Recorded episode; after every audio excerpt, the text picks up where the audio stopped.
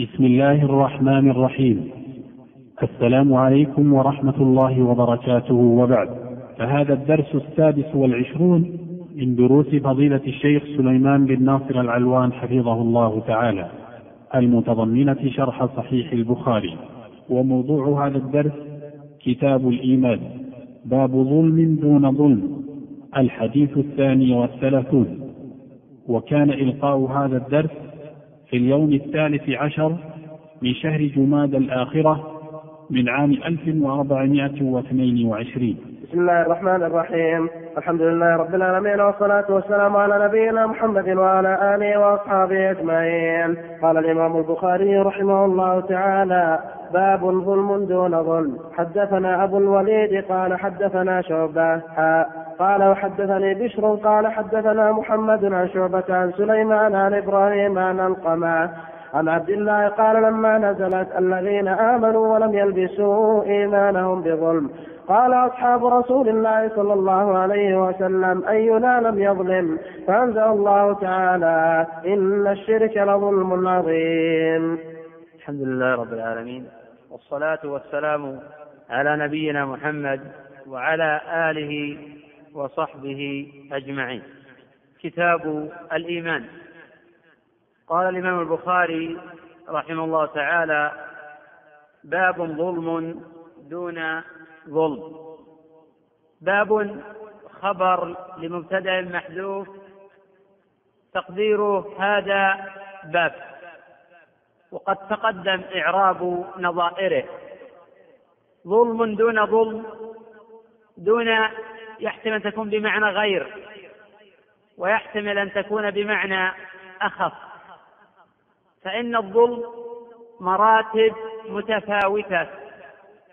في ظلم أكبر وهو الشرك الأكبر وهو مراتب أيضا وفي ظلم أقل من الشرك والكفر الأكبر وهو مراتب أيضا. وكما أن هناك ظلما دون ظلم فيه كفر دون كفر وفسق دون فسق.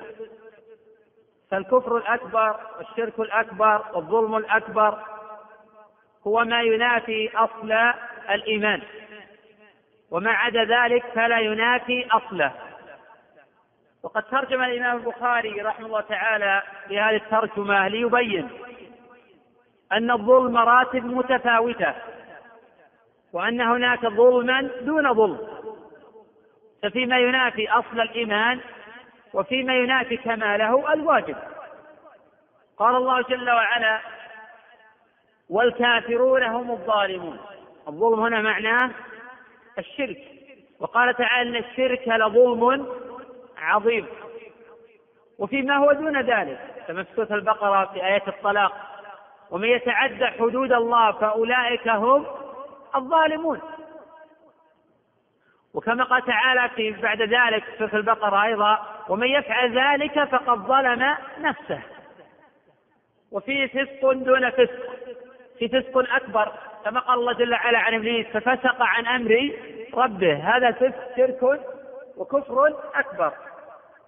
وفي دون ذلك كما قال الله جل وعلا ولا يضار كاتب ولا شهيد وإن تفعلوا فإنه فسوق بكم. وفي كفر دون كفر. في كفر أكبر في كفر أصغر. كفر في القرآن كله في الأكبر. ويأتي بما دون ذلك كقوله صلى الله عليه وسلم اثنتان بالناس هما بهم كفر. الخوارج لا يفقهون هذه الحقيقة. فيجعلون الظلم والكفر والفسق مرتبة واحدة. وقد فرق الله جل وعلا بين هذه الأمور كما في قوله تعالى وكره إليكم الكفر والفسوق والعصيان فالفسق دون الكفر والعصيان دون الفسق.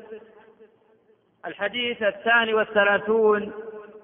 قال الإمام البخاري رحمه تعالى حدثنا أبو الوليد أبو الوليد هو هشام بن عبد الملك الباهلي مولاهم. الطيالسي البصري. ولد على قول سنة ثلاث وثلاثين ومائة وقال الإمام أحمد رحمه الله تعالى أبو الوليد أكبر من عبد الرحمن بن مهدي بثلاث سنين. وأبو الوليد اليوم شيخ الإسلام. ما أقدم عليه اليوم أحدا من المسلمين. وقال الإمام أبو حاتم رحمه الله تعالى أبو الوليد إمام فقيه عاقل ثقة حافظ. ما رأيت في يده كتابا قط وقال يحيى رحمه الله لم أرى في أصحاب شعبة أحسن حديثا من أبي الوليد. قال البخاري رحمه الله تعالى مات سنة سبع وعشرين ومئتين. قال حدثنا شعبة. تقدم الحديث عن أمير المؤمنين شعبة وأنه ولد سنة كم ولد سنة كم؟ نعم. نعم. وقيل سنة اثنتين سنة وقيل اثنتين وثمانين صحيح؟ ومتى توفي؟ ستين ومئة. قد تقدم الحديث عنه قد روى له الجماعة وقال عنه الإمام أحمد رحمه الله كان شعبة أمة وحدة في هذا الشأن. حاء. ما معنى حاء؟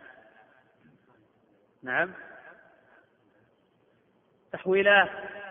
ما معنى تحويلة؟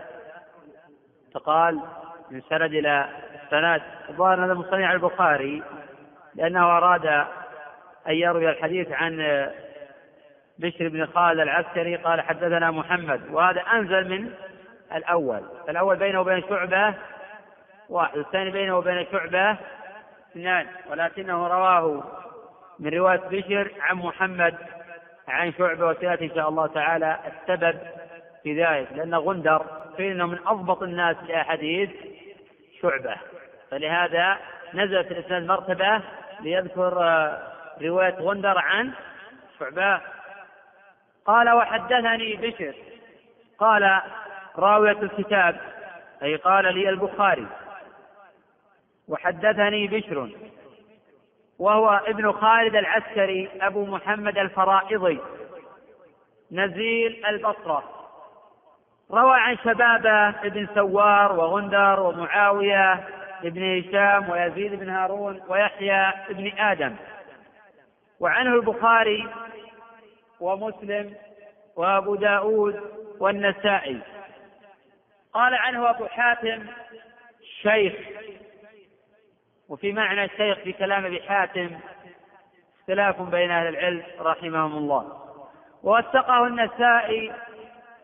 وقال الإمام ابن حبان رحمه الله تعالى مستقيم الحديث ويغرب عن شعبة عن الأعمش بأشياء. ولكنه يروي عن شعبة بواسطة. يروي عن شعبة بواسطة. وقد مات سنة خمس وخمسين ومائتين وقيل سنة ثلاث وخمسين قال حدثنا محمد هو ابن جعفر الهذلي. هو محمد بن جعفر الهذلي مولاهم البصري. المعروف بغندر. روى عن حسين المعلم والثوري وابن عيينة وابن جريج ومعمر بن راشد وهشام بن حسان. وقال لزمت شعبة عشرين سنة لم أكتب عن غيره شيئا. وهي طريقة كثير من السلف يلازمون مشايخهم عشرات السنين يأخذون عنهم الحديث والفقه والأدب. قال علي بن المديني رحمه الله هو أحب إلي من عبد الرحمن في شعبة. وقال الإمام ابن مهدي رحمه الله غندر في شعبة أثبت مني. غندر في شعبة أثبت مني. وهذا من تواضع أئمة السلف والاعتراف بالجميل للآخرين. وعدم حسد بعضهم لبعض. وقد مات سنة ثلاث وتسعين ومائة روى له الجماعة عن شعبة تقدم قبل قليل عن سليمان وهو ابن مهران الأسدي الكاهلي مولاهم يعرف بالأعمش. وهذا ليس من الغيبة في شيء لأنه يقصد من وراء ذلك التعريف كما يقال الأعرج الطويل وكما جاء في الصحيحين حديث أبي هريرة في قصة ذي اليدين وكما قالت هند امرأة سفيان بس رجل شحيح وله ولهذا نظائر كثيرة والقدح ليس بغيبة في ستة متظلم ومعرف ومحذر ولمظهر فسقا ومستفت ومن طلب الإعانة في إزالة منكر. ولد الأعمش رحمه الله سنة ستين وقيل غير ذلك ورأى أنس بن مالك وروى عنه ولكن لم يثبت أنه سمع منه. كما قاله علي بن المديني وابن معين وجماعة. وقد روى عن إبراهيم التيمي والنخعي وحبيب بن أبي ثابت وأبي صالح السمان وسعيد بن جبير وأبي وائل والشعبي وعدي بن ثابت ومجاهد ومسلم البطين وآخرين. وعنه أبان بن تغلب وإبراهيم بن طهمان وحفص بن غياث والثوري وابن عيينة وسهيل بن صالح ووكيع وهشيم وأبو معاوية الضرير وهو من أثبت الناس فيه وشعبة وغيرهم. قال الإمام البخاري رحمه الله عن شيخه علي بن المديني له نحو ألف وثلاثمائة حديث. وقال ابن عيينة سبق الأعمش أصحابه بأربع خصال. كان أقرأهم للقرآن وأحفظهم للحديث وأعلمهم للفرائض. وذكر خصلة أخرى. وقال شعبة رحمه الله تعالى ما شفاني أحد بالحديث ما شفاني الأعمش. وكان يسميه المصحف لحفظه وضبطه وصدقه. غير أن الأعمش كثير الوهم إذا روى عن صغار شيوخه. مثل حكم بن عتيبة وسلمة بن كهيل وأبي إسحاق. قال علي بن المديني رحمه الله تعالى الأعمش يضطرب في حديث أبي إسحاق. وقال أيضا حديث الأعمش عن الصغار كأبي إسحاق وحبيب ابن أبي ثابت والسلمة ليس بذاك. وللأعمش أصحاب كثيرون أوثقهم فيه سفيان الثوري. قال ابن معين وابن مهدي وأحمد وقيل بعده أبو معاوية وقيل شعبة.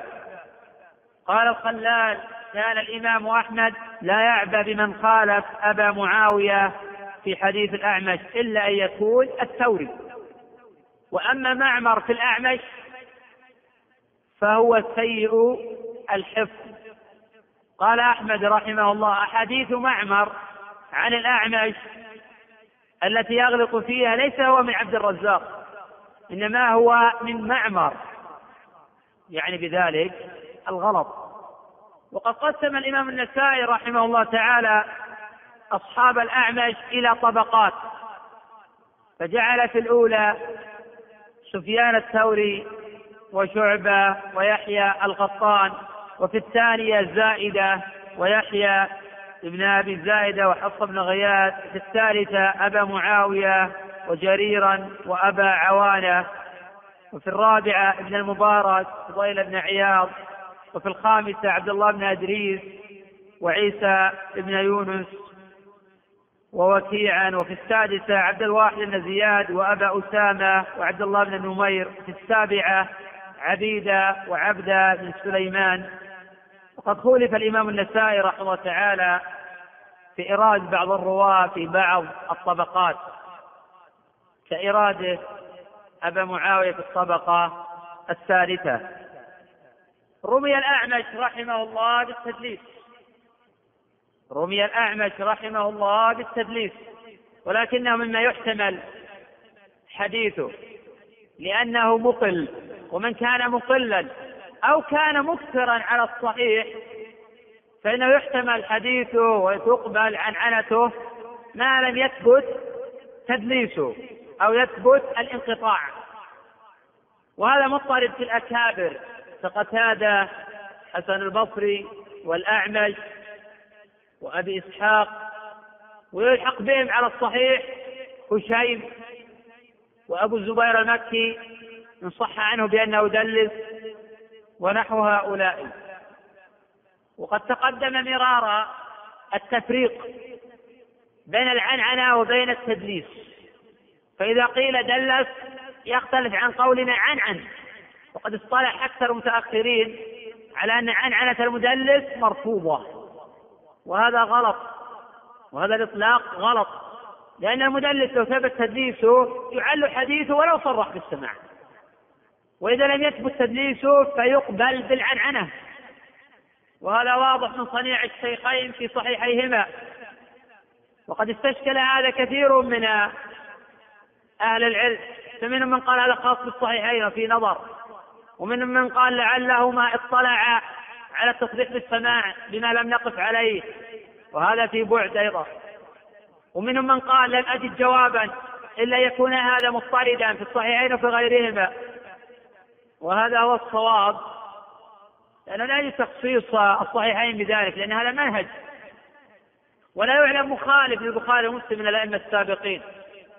إذا عنعنة الأكابر كالأعمش وقتادة والحسن وهشيم وأبي إسحاق الأصل فيها القبول ما لم يثبت انقطاع أو تدليس.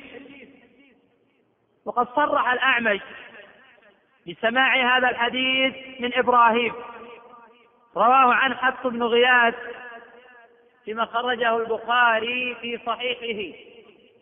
وقد توفي الأعمش سنة ثمان وأربعين ومائة قوله عن إبراهيم وهو ابن يزيد بن قيس بن الأسود النخعي فقيه أهل الكوفة تابعي كبير وإمام في العلم والفقه.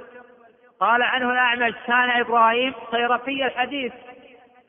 ولا بأس بمراسيل إبراهيم عن ابن مسعود. فقد ثبت فيما رواه أبو زرعة وغيره شعبة عن الأعمش. قال قلت لإبراهيم النخعي أسند لي عن عبد الله بن مسعود. فقال إبراهيم إذا حدثتكم عن رجل عن عبد الله بن مسعود فهو الذي سمعت. وإذا قلت قال عبد الله فهو عن غير واحد. فهو عن غير واحد عن عبد الله. وقد مات إبراهيم سنة ست وتسعين وروى له الجماعة. وقد روى إبراهيم هذا الخبر عن علقمة. وهو خال إبراهيم النخعي. وعلقمة هذا هو ابن قيس بن عبد الله بن مالك النخعي الكوفي ولد في حياة النبي صلى الله عليه وسلم. قال الإمام أحمد رحمه الله تعالى ثقة من أهل الخير. مات سنة إحدى وستين.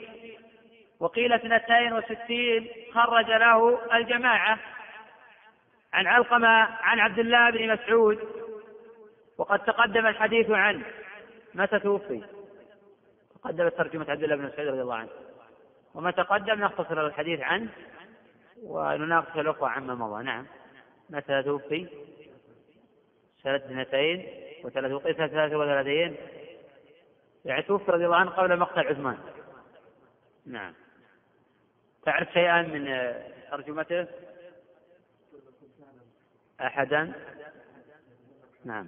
كان يقول له أعلم أحدا تبلغ المطي أعلم مني كتب لا رحلت إليه من روى هذا؟ من روى هذا؟ من روى هذا؟ من روى هذا؟ من روى هذا؟ من روى هذا؟ من؟ من منكم يعرف إذن؟ نعم. متفق عليه؟ جيد. زدنا. إيه صحيح.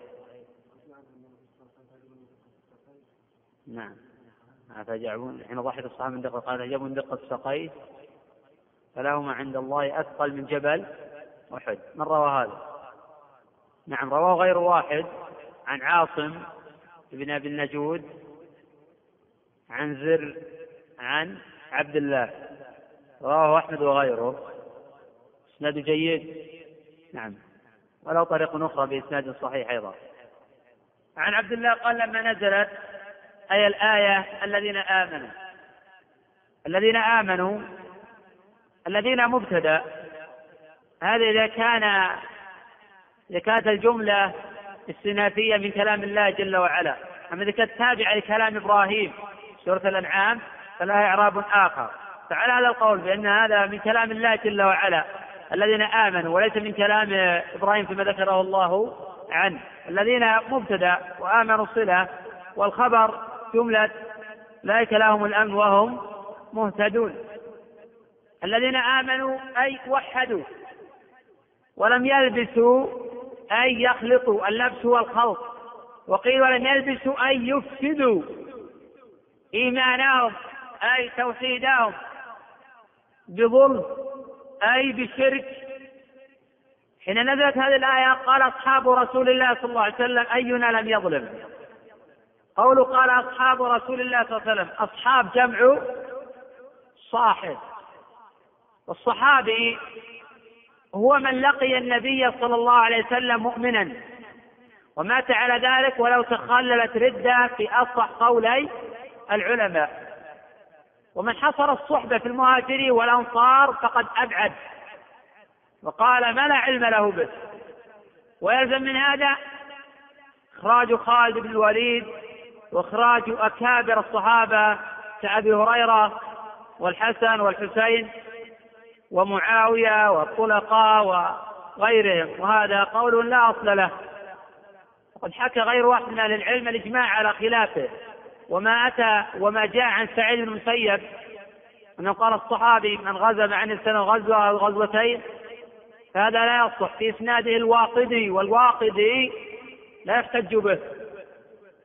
الصحابي إذن هو من لقي النبي صلى الله عليه وسلم مؤمنا ومات على ذلك ولا تخرج على الأصح. ومن ثبتت صحبته ثبتت عدالته ووجب احترامه وتقديره ومعرفة قدره وعظيم منزلته. ومن تعرض لصحابي بسوء فقد تعرض لمقت الله وسخطه.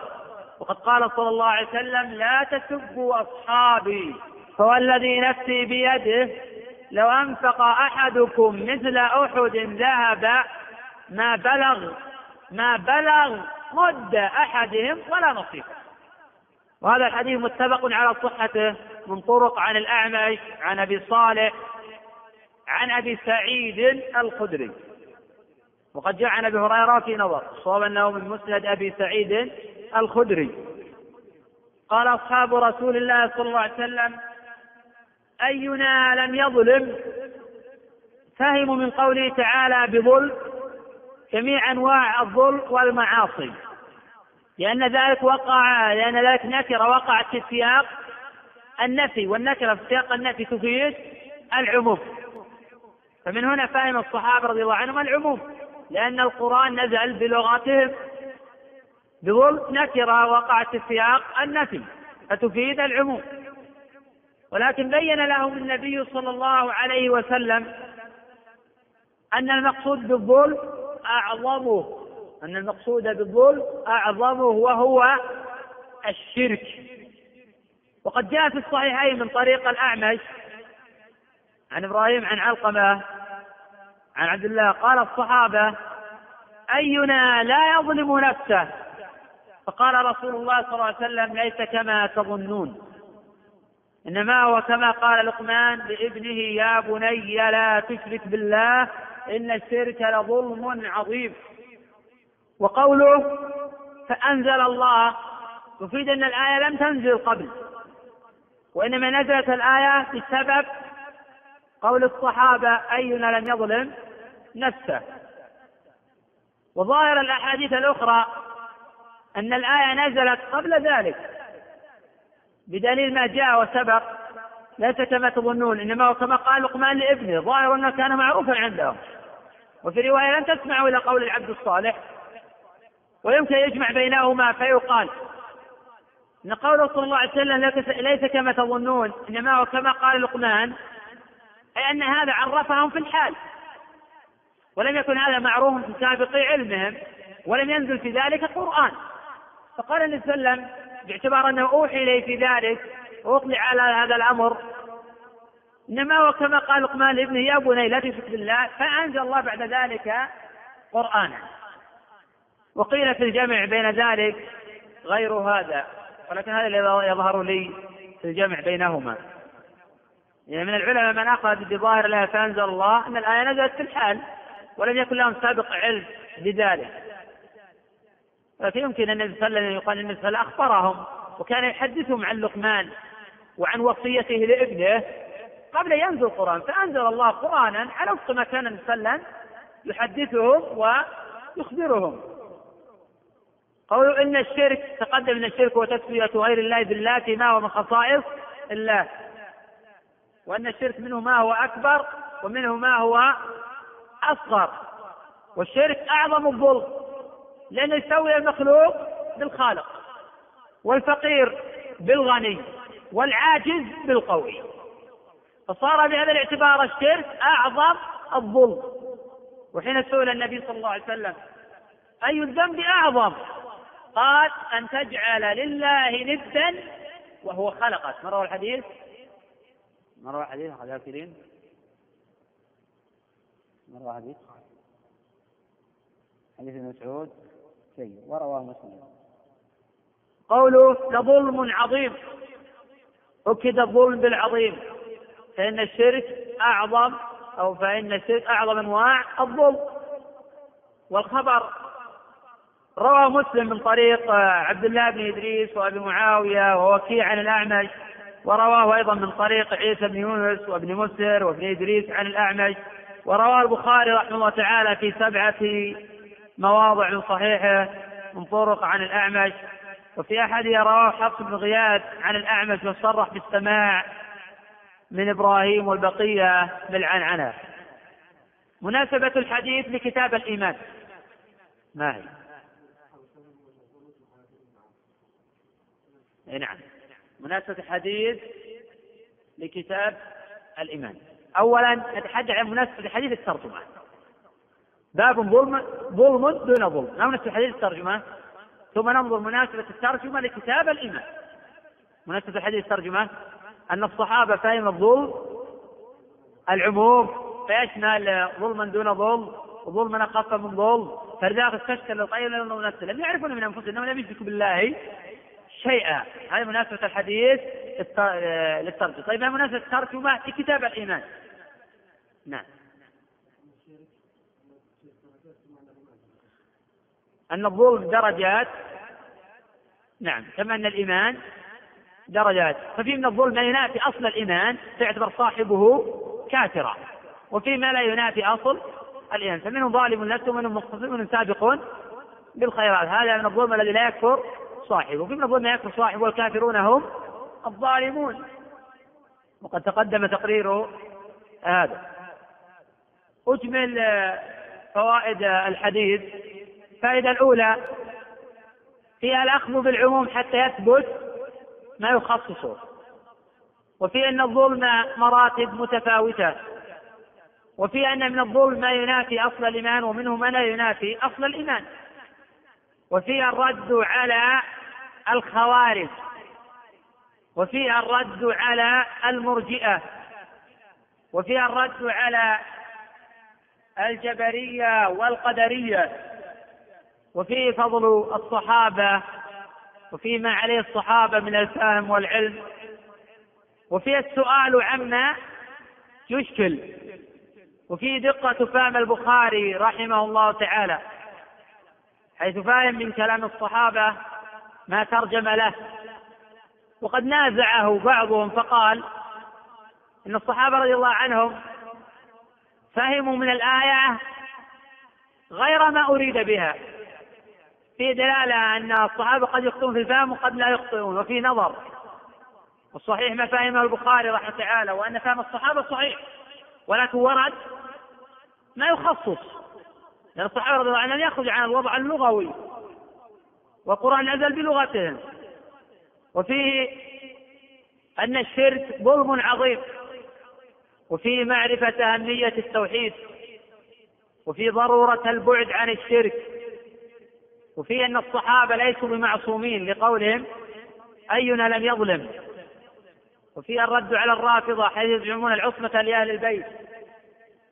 ولو أمكنت العصمة لأهل البيت الذين أفضلهم علي وجعفر أمكنت العصمة لأبي بكر وعمر الذين هم أفضل من علي وجعفر رضي الله عن الجميع. وفي غير ذلك من الفوائد والله أعلم. نعم. اي نعم. أبو معاوية بن خزم الضرير. من أوثق الناس في الأعمش وإذا روى عن غير الأعمش فقد يخطئ. لكن إذا روى عن الأعمش ضبط. فهو من أوثق الناس فيه وكما تقدم في قول الإمام أحمد رحمه تعالى لا أقدم على أبي معاوية في الأعمش أحدا إلا ان يكون الثوري نعم.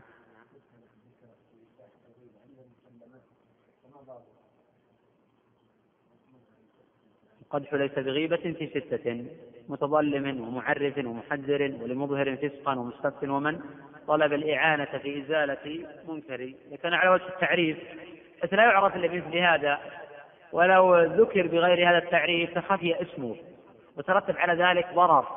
تعتبر هذا من باب الحاجة قد حسب بعض العلماء الإجماع على جواز هذه الصورة. هذه الأمور جائزة في الجملة. طبعا في بعضها تفصيل. وقد حدث بغير في ستة متظلم. الذي يتظلم؟ يأتي إليك يتظلم من فلان وفلان ولا يقصد ذلك الطاعن الآخر. إنما يقصد علاج القضية وأن تساعد وتعين على رد مظلمته. أو يتظلم عند القاضي أو عند المستفتي ونحو ذلك. ولا حرج فيه. ما دام أنه لا يقصد التشفي من صاحب بدون أي مبرر بدون أي حق فعلا يتصور أنه قد ظلم. فلا يأتي يتظلم ولم يظلم. لم يريد أكل أموال الناس الباطل. تجمع بين أمرين. أمر أكل أموال الناس الباطل وأمر الغيبة. ومعرف التعريف تقدم. ومحذر حيث تحذر عن صاحب البدعة. وليس قصدك التشفي منه أو كثرة الحديث والثرثرة. إنما قصدك النصح لله وللرسول صلى الله عليه وسلم ولعامة المسلمين. ولذلك لا تتجاوز ما أمر الله به فلا تظلموا ولا تسلبوا حقه ولا تتحدث إلا حين ترى المصلحه تراعي في ذلك الإخلاص ويكون عندك علم وسابق علم في هذه القضية وفي أيضا من الرحمة. ودائما نحدث الأخوة عن شروط نقد الآخرين أو عن الأمور الواجبة في التي يجب أن تتوفر في نقد الآخرين منها العلم. والعلم له جهتان جهة في المسألة وفي واقع المسألة وعلم أيضا حيث يفهم المسألة يتصوره على حقيقة فعلم بحال المتكلم وعلم بحال المتكلم عنه. تعرف واقعه وعلمه ونحن ذاك نتكلم بظلم ولا بجهل. الأمر الثاني الإخلاص. وإلا فإن النبي صلى الله عليه وسلم يقول إن الله لا يهدي بالرجل الفاجر متفق على صحة الأمر الثالث العدل الأمر الرابع الإنصاف الأمر الخامس الرحمة. الرحمة الأمر الخامس الرحمة. يتمنى هداية الآخرين لهم التوفيق والسداد ولكن يأخذهم بعين الاعتبار. إذا الله أمر بالرد على الضلال وتحذير من شر ونحو ذلك ويرحمهم ويتمنى أن لو لم يخطئوا وأن الله جل يهديهم ويصلح بالهم. في الجملة هذه الأمور في الجملة صحيحة لكن في بعضها تفصيل وتوضيح كما في قوله ولمنكر فسقا. يعني لازم كل من أظهر فسقا تغتابه. إذا كان في ذلك مصلحة ولا تتجاوز أيضا ذلك ولا تحدث في كل مجلس ونحو ذلك بحيث أن الفاسق خلاص تنتهك عرضة تجعل بمنزلة الكافر وأنه لا حرمة له هذا غير صحيح. ما يلزم من ذلك. قد لا يكون مظهرا فسقا قد لا يظهر الفسق قد يكون متأولا في مسألة من مسألة العلم. فنحذر من الخطأ الذي تأول فأخطأ فيه وقد يكون معفوا عنه عند الله ومجتهدا. نعم.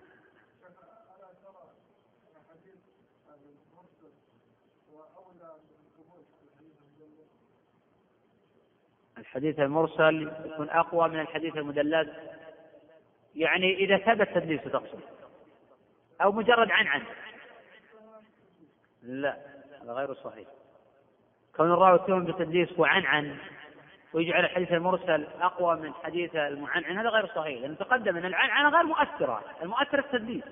فإذا كنت تقصد أن الحديث المرسل إذا صح مثلا عن إبراهيم أو عن علقمة أو عن طاووس صح مرسلا هو أولى بالقبول من حديث المدلس إذا ثبت تدليسه لا عنعنته لأن العنعنة غير علة إنما الذي هو علة التدليس. فهذا في الجملة صحيح. وأما إذا كنت تقصد أن مجرد العنعنة علة في الحديث هذا غير صحيح ولا دليل عليه. وأنظر تعامل الشيخين مع حديث المدلسين. هل يعلون حديث مجرد العنعنة أم لا؟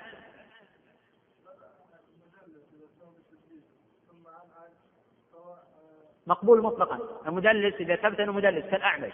كما قال غير واحد أو قتادة أو قيل ثبت عن الحسن البصري أو ثبت عن أبي الزبير أو ثبت عن هشيم وعن إسحاق السبيعي.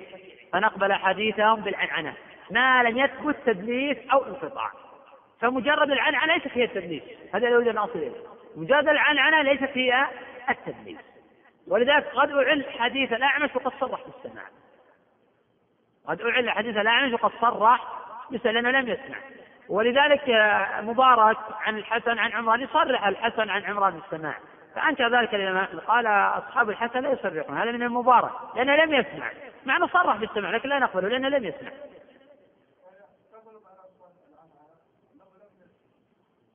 هذا في المكثر جدا كبقية بن الوليد.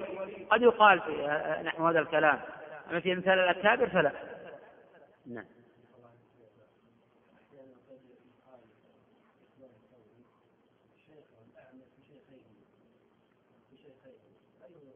يقدم الثوري على الأعمش قدم الثوري إلى الأعمش إذا اختلف الثوري والأعمش فالذي يقدم الثوري. وهذا قول أكابر الحفاظ. الله يكفي هذا. بسم الله الرحمن الرحيم. السلام عليكم ورحمة الله وبركاته. وبعد. فهذا الدرس السابع والعشرون من دروس فضيلة الشيخ سليمان بن ناصر العلوان حفظه الله تعالى. المتضمنة شرح صحيح البخاري. وموضوع هذا الدرس كتاب الإيمان باب علامات المنافق الحديث الثالث والثلاثون والرابع والثلاثون. وكان إلقاء هذا الدرس في اليوم الرابع عشر من شهر جمادى الآخرة من عام 1422 بسم الله الرحمن الرحيم. الحمد لله رب العالمين والصلاة والسلام على نبينا محمد وعلى آله وأصحابه أجمعين. قال البخاري رحمه الله تعالى باب علامة المنافق. حدثنا سليمان وأبو الربيع. قال حدثنا إسماعيل بن جعفر. قال حدثنا نافع بن مالك بن أبي عامر أبو سهيل عن أبيه عن أبي هريرة عن النبي صلى الله عليه وسلم قال آية المنافق ثلاث. إذا حدث كذب وإذا وعد أخلف وإذا اؤتمن خان حدثنا قبيصة بن عقبة قال حدثنا سفيان عن الأعمش عن عبد الله بن مرة عن مسروق عن عبد الله بن عمرو أن النبي صلى الله عليه وسلم قال أربع من كن فيه كان منافقا خالصا ومن كانت فيه خصلة منهن كانت فيه خصلة من النفاق حتى يدعها. إذا اؤتمن خان وإذا حدث كذب وإذا عاهد غدر وإذا خاصم فجر. تابعة شعبة عن الأعمش. الحمد لله رب العالمين والصلاة والسلام على نبينا محمد وعلى آله وصحبه أجمعين. قال الإمام البخاري رحمه الله تعالى كتاب الإيمان باب علامة النفاق الحديث الثالث والثلاثون. باب خبر لمبتدا محذوف أي هذا باب علامة النفاق. ويجوز إعراب باب على أنها مبتدا باب مضاف وعلى مضاف إليه وعلى مضاف المنافقين مضاف إليه والخبر محذوف تقديره. باب علامة المنافق. هذا محله أو هذا مكانه أو هذا موضعه مبتدأ وخبر والمبتدأ والخبر خبر عن المبتدأ الأول ويجوز النصب تقول اقرأ باب علامة المنافق. تقدم الحديث عن الكفر. وأنه مراتب متفاوتة.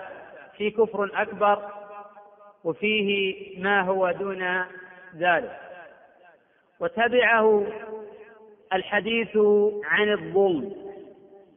ظلم دون ظلم. بقي الحديث عن النفاق. فمنه ما هو كفر أكبر ومنه ما هو أصغر.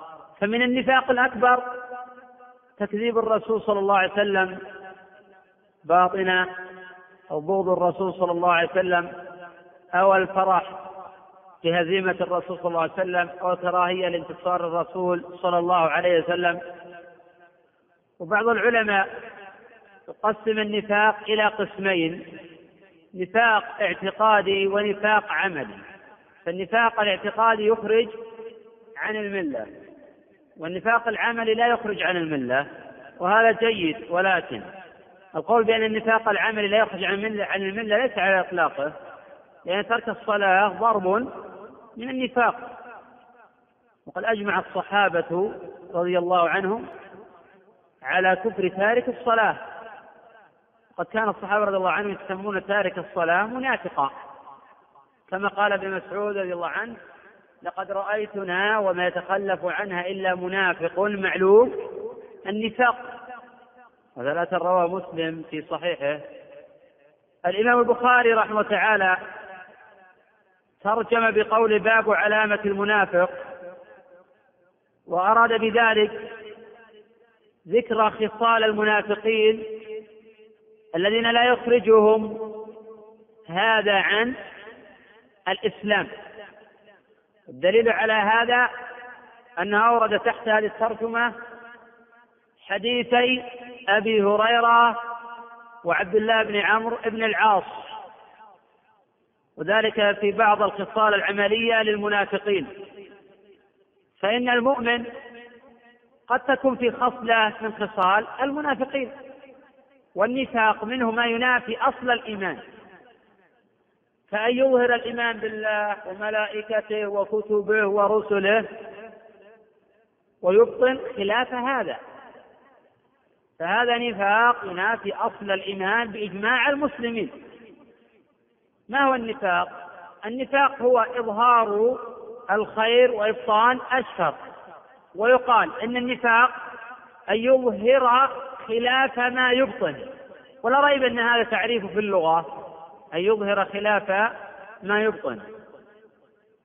ولك سمي الرافضي منافقا لأنه استعمل التقية فيظهر خلاف ما يبطن. وهذا ضربان كما سبق منه ما هو أكبر ومنه ما هو أصغر. قال الإمام البخاري رحمه الله تعالى حدثنا سليمان أبو الربيع. سليمان هو ابن داود العتكي.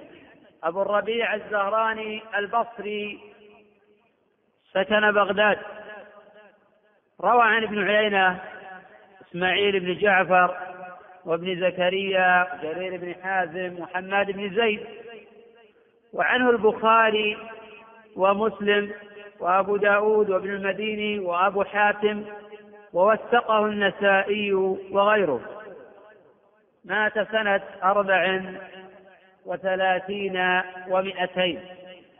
قال حدثنا إسماعيل بن جعفر ابن أبي كثير الأنصاري الزرقي مولاهم المدني قارئ أهل المدينة ولا أعلم أحدا من رجال الستة اسمه إسماعيل بن جعفر سواه.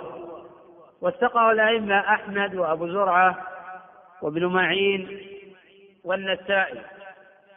وقال ابن معين رحمه الله تعالى هو أثبت من ابن أبي حازم والدراوردي وأبي ضمرة. مات ببغداد سنة ثمانين ومائة روى له الجماعة. قال إسماعيل حدثنا نافع ابن مالك. نافع بن مالك أبو سهيل المدني حليف بني تيم.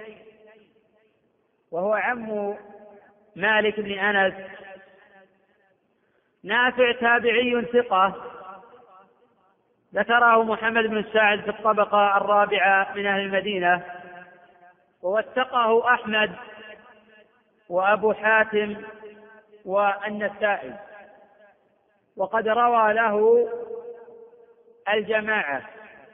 نافع يروي هذا الخبر عن أبيه. وهو مالك بن أبي عامر الأصبحي أبو أنس المدني وهو جد مالك بن أنس. ويقال اسم أبي عامر عمرو. روى عن طلحة بن عبيد الله وعثمان وعائشة وآخرين من الصحابة وذكره محمد بن سعد في الطبقة الثانية من أهل المدينة. وقال كان ثقة وله أحاديث صالحة. وثقه النسائي وذكره ابن حبان في ثقاته وتوفي سنة أربع وسبعين. وروى له الجماعة. قال عن أبي هريرة تقدم الحديث عن أبي هريرة. متى أسلم أبو هريرة؟ متى أسلم أبو هريرة؟ أي نعم. نعم.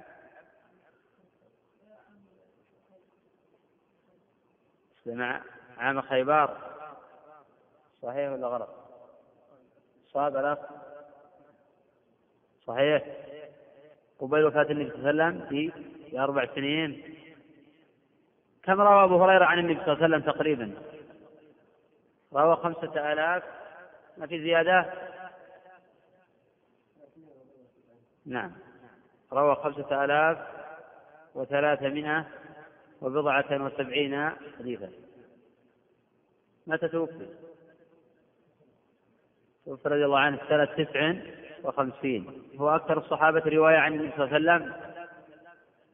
عن النبي صلى الله عليه وسلم قال آية المنافق ثلاث. آية بمعنى علامة.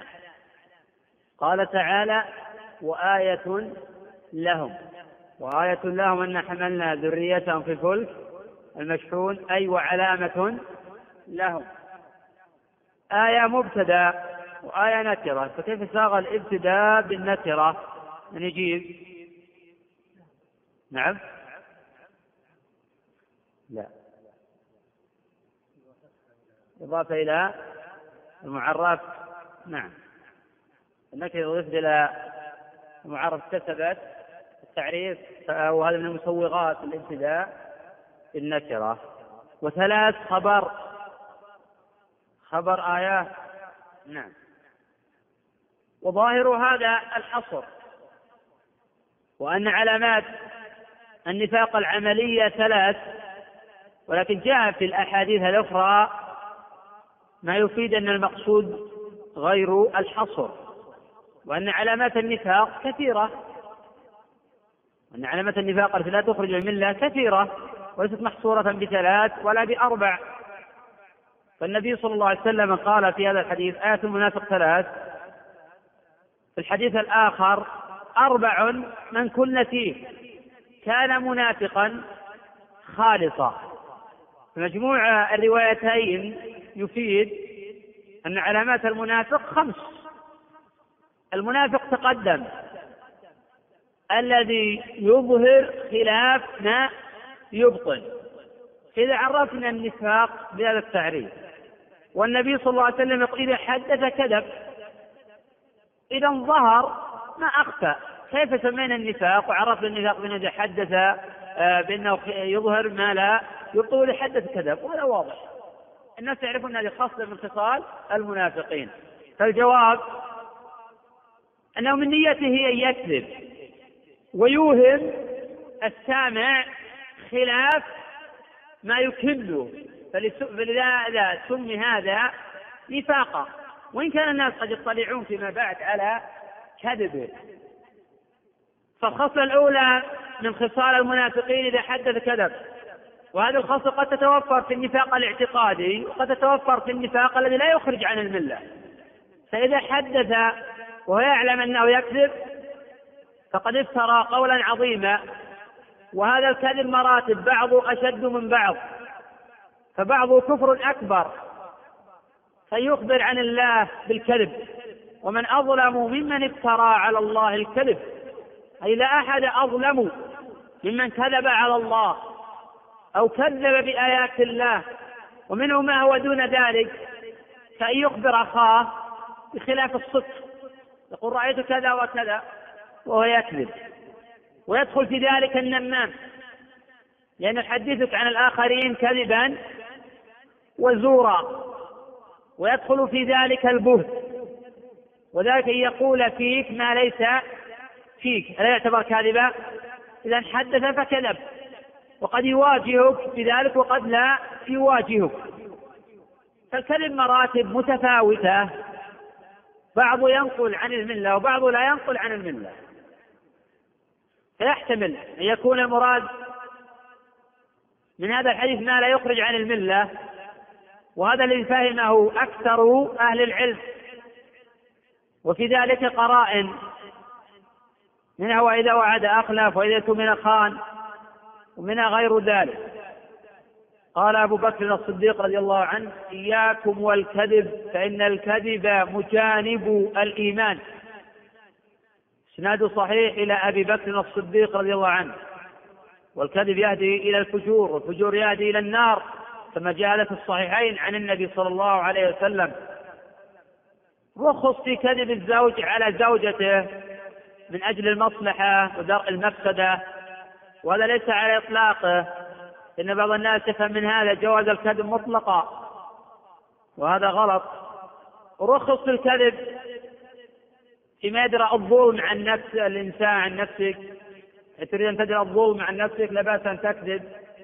فيما لا يضر بالآخرين كما في قصة الحجاج بن علاط السلمي وذلك المسند عند عبد الرزاق بسند قوي. قوله وإذا وعد أخلف.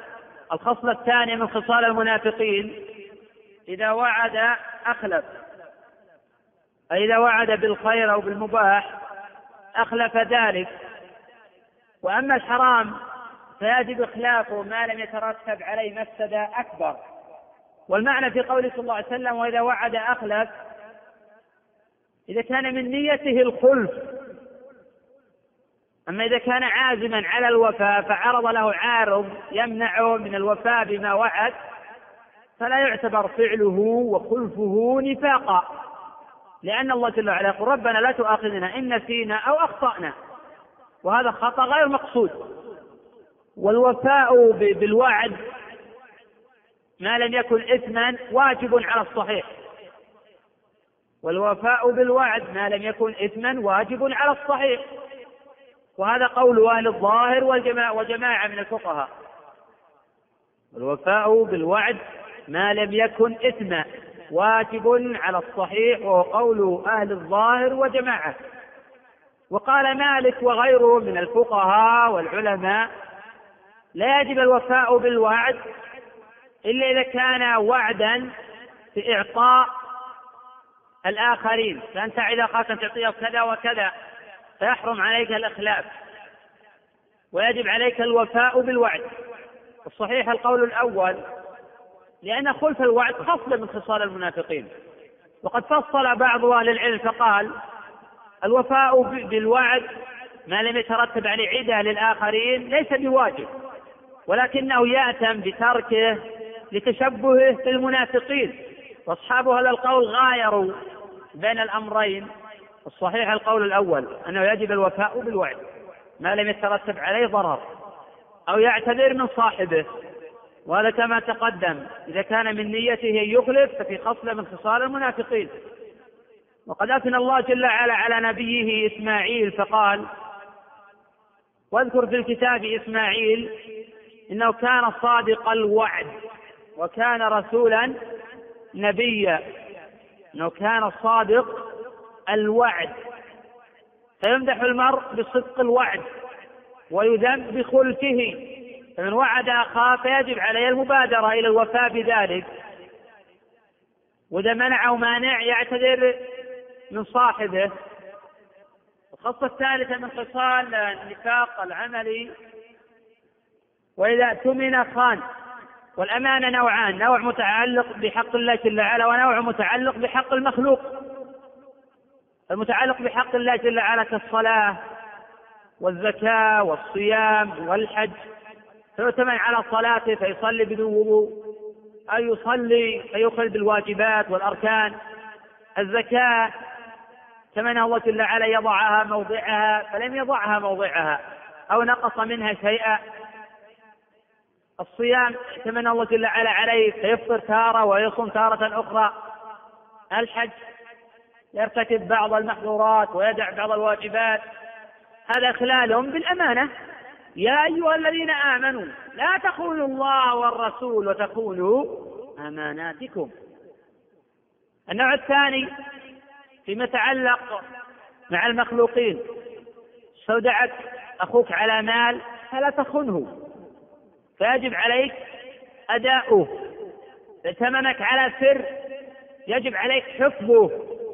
وإن كان كافرا فلو ائتمنك الكافر على سر ولا يترتب على نفسه مصلحة فيجب عليك الوفاء في هذا. لو ائتمنك الكافر على مال فليس لك أخذه بدعوى أنه كافر. يجب عليك رده والأمانة أمرها عظيم وشأنها كبير. قال الله جل وعلا عنها إن عرضنا الأمانة على السماوات والأرض والجبال فأبين أن يحملناها وأشفقن منها. وحملها الإنسان. إنه كان ظلوما جهولا وفي الحديث أد الأمانة إلى من ائتمنك ولا تخن من خانك. وقد جاء هذا الخبر عن جمع من الصحابة رضي الله عنهم عن النبي صلى الله عليه وسلم. وفي الأسانيد لين وقد اختلف الفقهاء رحمه الله تعالى في مسألة الظفر. كأن يجحدك أخوك ألحق أو أن يأخذ مالك أو أن يسلبه. فأتمرك فيما بعد على أمانة فتأخذها عوضا عما أخذ منك. هل يجوز أم لا؟ في ثلاثة مذاهب للفقهاء. المذهب الأول الجواز. لأن هذا المال المأخوذ عوض عن المال المسلوب. وهذه بتلك. وهذا قول للإمام أحمد وجماعة القول الثاني التحريم. لقوله صلى الله عليه وسلم وإذا اؤتمن خان فدل أن الخيانة خصل من خصال المنافقين وليس هذا من شأن المؤمنين. وللحديث السابق ولا تخن من خانت تقدم أن فيه ضعفا. المذهب الثالث الجواز بشروط. الشرط الأول أن لا يترتب عليك ضرر بذلك. الشرط الثاني أن يتأتى المساواة في أخذ ماله الشرط الثالث ألا تنسب أمام الملأ بالكذب والخيانة ونحو ذلك. الشرط الرابع ألا يتضرر آخرون. لأن قد تذهب إلى مكتبه فتختلس منه بقدر ما أخذ منك فيتضرر الكاتب فيغرم. هذا محرم ولا يجوز لأنك ضررت بالآخرين. والأصل في هذا الباب قول هند زوجة أبي سفيان رضي الله عن الجميع. يا رسول الله إن أبا سفيان رجل شحيح فيأتي من مال ما يكفيه ولا بنية فقال النبي صلى الله عليه وسلم خذي من مال ما يكفيك. خذي من مال ما يكفيك ويكفي بنيك حين لم يعطها أبو سفيان حقها أذن لها النبي صلى الله عليه وسلم تأخذ حقها من غير أن يعلم. وما لم يترتب على ذلك ضرر. حديث صحيح ولا ضعيف؟ صحيح. الرواه نعم صحيح. هذا الخبر فيه ثلاث خصال من خصال المنافقين. وقد رواه البخاري من طريق أو من حديث قتيبة وفي موضع آخر من حديث ابن سلام كلاهما عن إسماعيل بن جعفر. ورواه مسلم من رواية يحيى بن أيوب وقتيبة قال حدثنا إسماعيل. ورواه أيضا من طريق محمد بن جعفر عن العلاء بن عبد الرحمن بن يعقوب الحرقي مولاهم عن أبيه عن أبي هريرة وروى من طريق يحيى بن محمد عن العلاء عن أبي عن أبي هريرة. وفي زيادة وإن صلى وصام وزعم أنه مسلم. ورواه بهذه الزيادة من طريق داود بن أبي هند عن سعيد بن المسيب عن أبي هريرة. وهذه الخصال تنافي كمال الإيمان الواجب ولا تنافي أصل الإيمان. فمن توفرت فيه لا يخرج عن الإسلام. ما لم يستحلها فمن استحل كفر لأن استحل أمرا مجمعا على تحريمه. وسيأتي إن شاء الله زيادة بيان عن هذه المسألة. الحديث الرابع والثلاثون. تحت ترجمة باب وعلامة المنافق. قال البخاري رحمة الله تعالى حدثنا قبيصة ابن عقبة. قبيصة بن عقبة ابن محمد بن سفيان بن عقبة روى له الجماعة ووثقه ابن معين في كل شيء إلا في حديث سفيان الثوري. قال ليس بذات القوي فإنه سمع منه وهو صغير.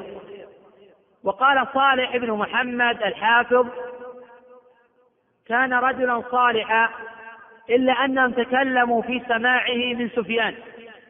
وقد جاء عن قبيصة أنه قال جالست الثوري وأنا ابن ست عشرة سنة ثلاث سنين وقد مات قبيصة سنة ثلاث عشر ومئتين وقيل سنة خمس عشر ومئتين. قال قبيصة حدثنا سفيان وقبيصة لم يتفرد بهذا الخبر عن سفيان. كما تاتي إن شاء الله تعالى بيانه. سفيان هو ابن سعيد بن مسروق الثوري الكوفي. من ثوري ابن عبد مناف. وأمير المؤمنين في الحديث متفق على إمامته وحفظه وضبطه وورعه. قال العجلي ولد سنة سبع وتسعين. قال عنه الخطيب كان إماما من أئمة المسلمين وعلما من أعلام الدين مجمعا على أمانته حيث استغنى عن تزكيته مع الإتقان والحفظ والمعرفة والضبط والورع والزهد. قال سفيان رحمه الله تعالى ما استودعت قلبي شيئا قط فخانني ما استودعت قلبي شيئا قط فخانني. قال يحيى بن سعيد القطان ليس أحد أحب إلي من شعبة ولا يعدله أحد عندي. وإذا خالفه سفيان أخذت بقول سفيان. وقال أبو داود رحمه الله تعالى ليس يختلف سفيان وشعبة في شيء إلا ويظفر به سفيان. خالفه في أكثر من خمسين حديثا. والقول قول سفيان. وقال شعبة رحمه تعالى إن سفيان ساد الناس بالورع والعلم. وأخبار سفيان ومناقب كثيرة. وقد توفي سنة إحدى وستين ومئة. عن الأعمش ولم يتفرد بسفيان عن الأعمش وقد توبع عليه كما سيأتي إن شاء الله تعالى وقد تقدم الحديث عن الأعمش متى ولد؟ قيل ولد سنة ستين وهو قول البخاري وجماعة وقيل ولد سنة إحدى وستين طيب متى توفي؟ توفي سنة ثمان وأربعين ومئة صحيح ولا غلط؟ الأخ يقول توفي الأعمى سنة ثمان وأربعين ومئة. ما هو الدليل على أنه صحيح. حفظته؟ صحيح. ما هو الدليل؟ هذا نعم. نعم ذكر المؤرخون هذا. درجته الأخ ثقة قد قلنا بأنه تابع أو تابع تابعي. إي نعم. تابع تابعي صحيح؟ على أي أساس تقول نعم؟ هذا نقول غلط. ما هو الدليل عن تابعي نعم له رؤية عن أنس بن مالك. متى رؤيته عن صحابي يحكم له بأنه تابعي. كما أن من لقي النبي صلى الله عليه وسلم مؤمنا ومات على ذلك ولم خالد ردة يصبح قول العلم فيعتبر صحابيا له فضله وقدره ومكانته. الأعمش أحد أوعية العلم وأحد الحفاظ. وقد تقدم الحديث عنه في درس الأمس. قال الأعمش عن عبد الله بن مرة وهذا هو الهمداني الخارسي الكوفي. تابعي ثقة روى عن البراء بن عازب وابن عمر. قال ابن معين والنسائي ثقة. وقال ابن سعد كان ثقة. وله أحاديث صالحة.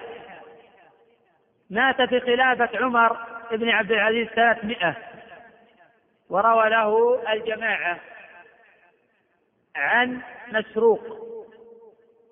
مسروق هذا هو ابن الأجدع الهمداني الوادعي.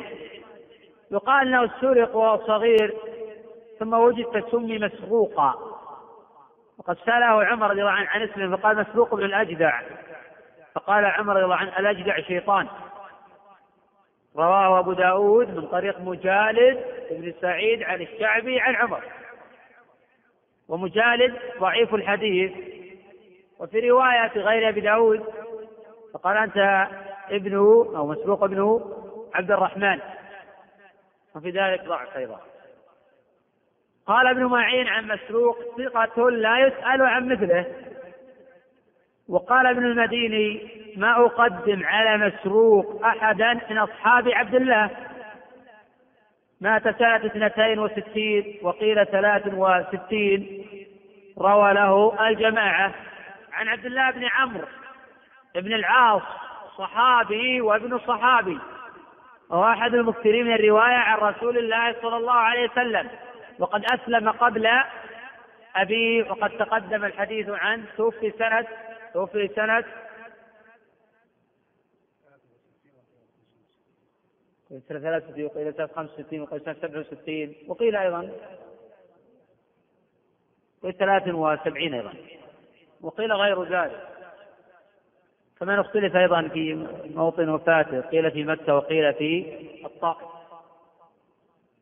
أن النبي صلى الله عليه وسلم قال أربع من كن فيه أربع مبتدأ ساغ الابتداء بالنكرة بتقدير أربع خصال.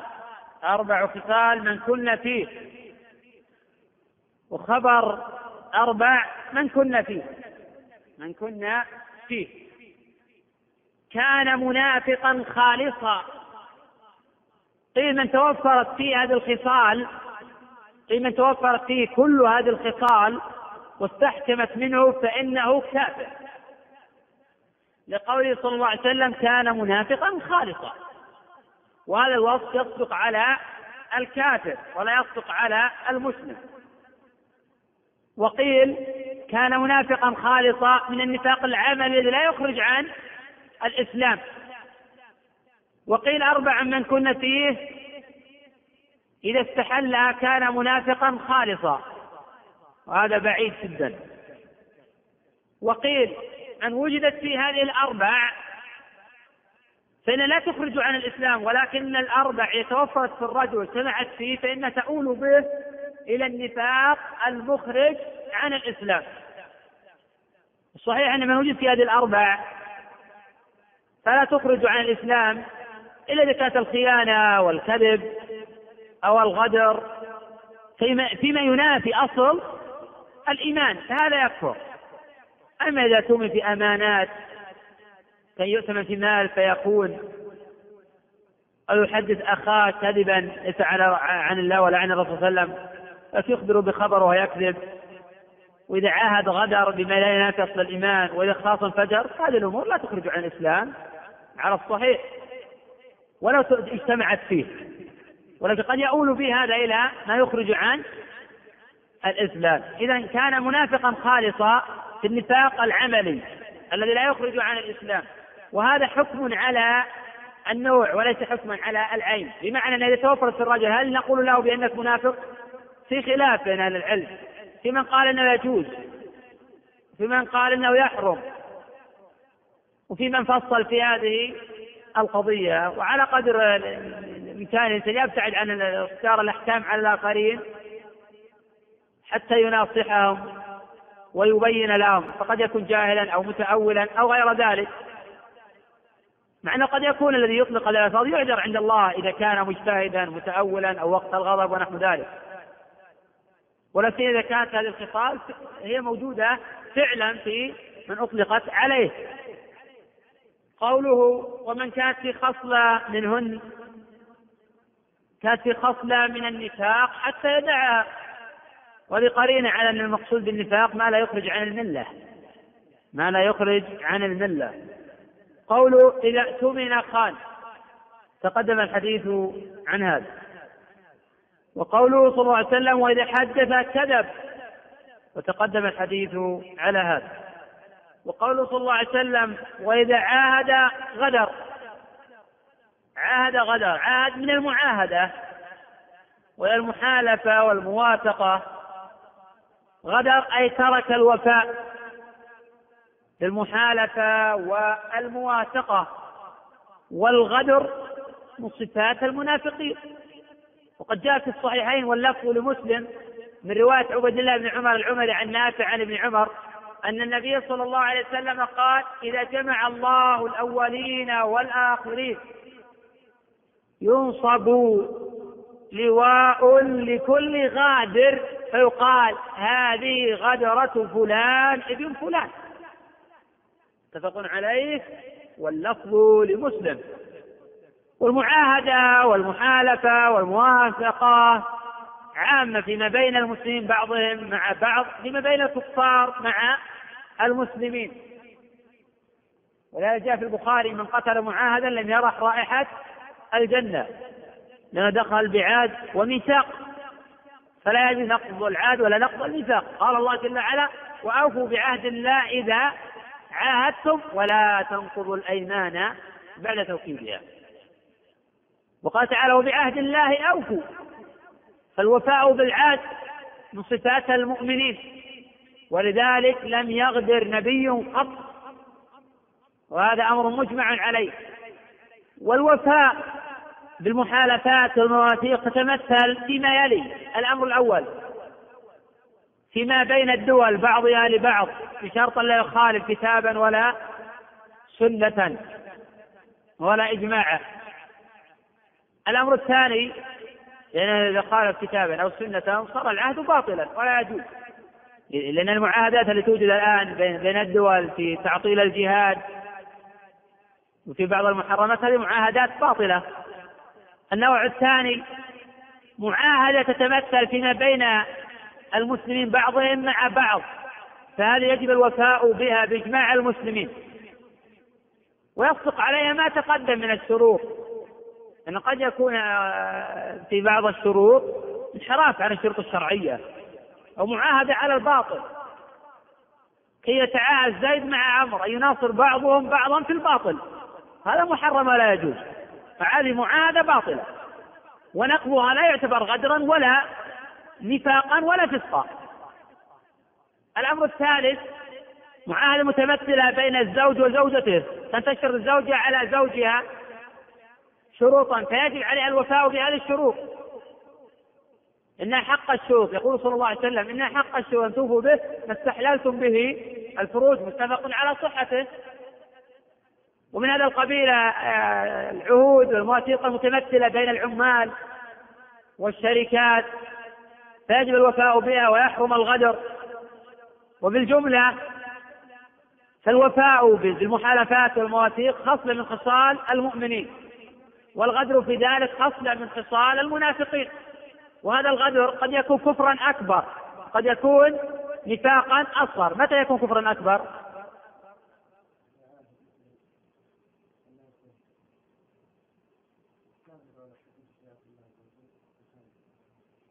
كان مثلا يكون قلنا قد يكون العهد فيما بينه وبين الله جل وعلا. إذا كان جاسوسا للكفار على المسلمين ويدل الكفار على ما يقضي على شريعة المسلمين ويناصر الكفار على المسلمين ويعاهدهم على حرب المسلمين. كمسلم مثلا عاهد الكفار على أن يقاتل معهم المسلمين وعلى أن يدلهم على عورات المسلمين. ما حكم هذا؟ هذا كفر أكبر ونفاق أكبر. لماذا صار كفرا أكبر؟ لأنه ينافي أصل الإيمان. إذا كان يعاهد الكفار على أن يقاتل المسلمين وعلى يسلم المسلمين للكفار ليفتنوهم عن دينهم وعلى أن يدلهم على عورات المسلمين صار كفرا أكبر وهذه مظاهرة. هذا من الكفر الأكبر. وإذا كان العهود الأخرى كان يعاهد زوجته فيخلف يعاهد العامل فيغدر هذا يعتبر فسقا ونفاقا أصغر. وفي الجملة فالعال الغدر خصلة من خصال المنافقين. قوله وإذا خاصم فجر. قوله وإذا خاصم فجر. خاصم أي جادل. فجر وذلك أن ينصرف عن الحق عمدا فيجعل الحق باطلا والباطل حقا. وهذا من أعظم أنواع الكذب. فالمخاصمة بالباطل ضرب من ضروب الكذب. وقد جاء في الصحيحين من طريق ابن جريج عن ابن مليكة عن عائشة أن النبي صلى الله عليه وسلم قال إن أبغض الرجال إلى الله الألد الخصم. قال صلى الله عليه وسلم إن أبغض الرجال إلى الله الألد الخصم. والمخاصمة بالباطل أنواع فمنهم من يخاصم ليسلب الناس أموالهم فهذا فجور وظلم وطغيان. ومن من يخاصم كذبا على الله وكذبا على الرسول صلى الله عليه وسلم وهذا من أعظم أنواع الكذب على الله جل وعلا وعلى الرسول صلى الله عليه وسلم. ومن يخاصم في المسائل العلمية ينتصر لرأيه وهواه ليشبع رغبته فهذا أيضا من المحرمات. قال البخاري رحمه تعالى تابعه شعبة عن الأعمش. أي تابع سفيان شعبة في الرواية هذا خبر عن الأعمش. فلم يتفرد به سفيان عن الأعمش. لأن هذا خبر عن سفيان قبيصة وقبيصة تقدم ما قيل فيه في رواية عن الأعمى عن سفيان. فأراد البخاري يوضح أن سفيان لم يتفرد به عن الأعمش بل تابعه شعبة. وهذه المتابعة في البخاري. تحت باب إذا خاصم فجر. ولكن دون قوله كان منافقا خالصا دون قوله خالصا. وتابعه أيضا جرير في البخاري أيضا. وفي هذه الزيادة خالصة. ورواه الإمام مسلم رحمه الله تعالى من طرق عن الأعمش. أجمل بعض فوائد الحديثين. الفائدة الأولى في أن من النفاق ما يخرج عن الملة فيما لا يخرج عن الملة وقد تقدم التفصيل في ذلك. الفائدة الثانية في أن من الأعمال ما ينافي أصل الإيمان وفيما لا ينافي أصل الإيمان. فترك الصلاة تنافي أو ينافي أصل الإيمان. وإذا تؤمن قال لا ينافي أصل الإيمان. وفي الرد على الخوارج الذين يكفرون بمطلق الذنوب ويخلدون أصحاب الكبائر بالنار. وفي الرد على المرجئة الذين يقول لا يضر مع الإيمان ذنب. وفيها الرد على الجبرية والقدرية. وفيه غير ذلك. والله أعلم. بقي مناسبة هذين الحديثين للترجمة. واضح. باب علامات علامة المنافق بقي ما مناسبة الترجمة لكتاب الإيمان. ما مناسبة الترجمة لكتاب الإيمان. مناسبة الترجمة لكتاب الإيمان أن من النفاق ما ينافي أصل الإيمان ومنه ما لا ينافي أصل الإيمان. فالذي ينافي أصل الإيمان يكفر صاحبه والذي لا ينافي أصل الإيمان لا يكفر. والله أعلم.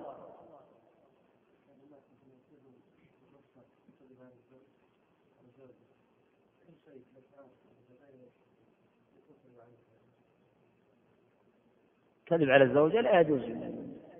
مطلقا ما يرخص فيه ما يحسن الوضع بين الزوجين ولا يترتب عليه أضرار متعلقة بالآخرين. يعني من هذا القبيل أن تطالب زوجته بشراء سلعة بثمن غالي. فيشتري السلعة بثمن بخس. يقول اشتريته بهذا الثمن. إن لو علمت أنه اشتراه بثمن بخس ما قبلت. فيوهمها بأنه اشتراه بثمن غالي هذا لا حرج فيه في مصلحة وليس فيه مفسدة. أما كنت يتعامل معه دائما بالكذب والخديعة فهذا لا يجوز. نعم.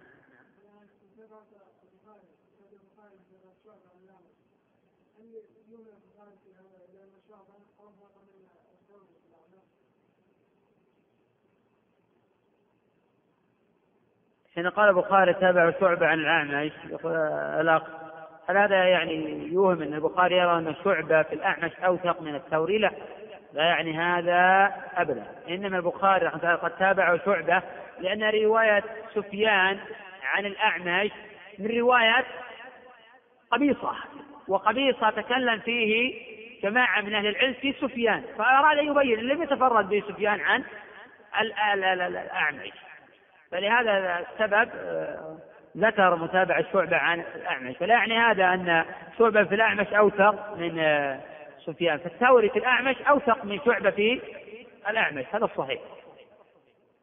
نعم.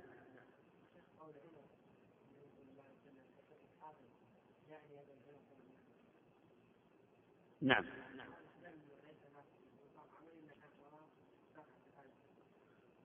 غير صحيح، صحيح أن مولى عمر رضي الله عنه دعنا ضرب عمر منافقا، هذا النفاق الصحيح أنه مخرج من الملة لكنه لم يكن لأنه كان متأولا. طبعا في من قال أنه ليس كفرا أكبر لأنه لا يمكن يكفر بدري وأن الله قد غفر لهم.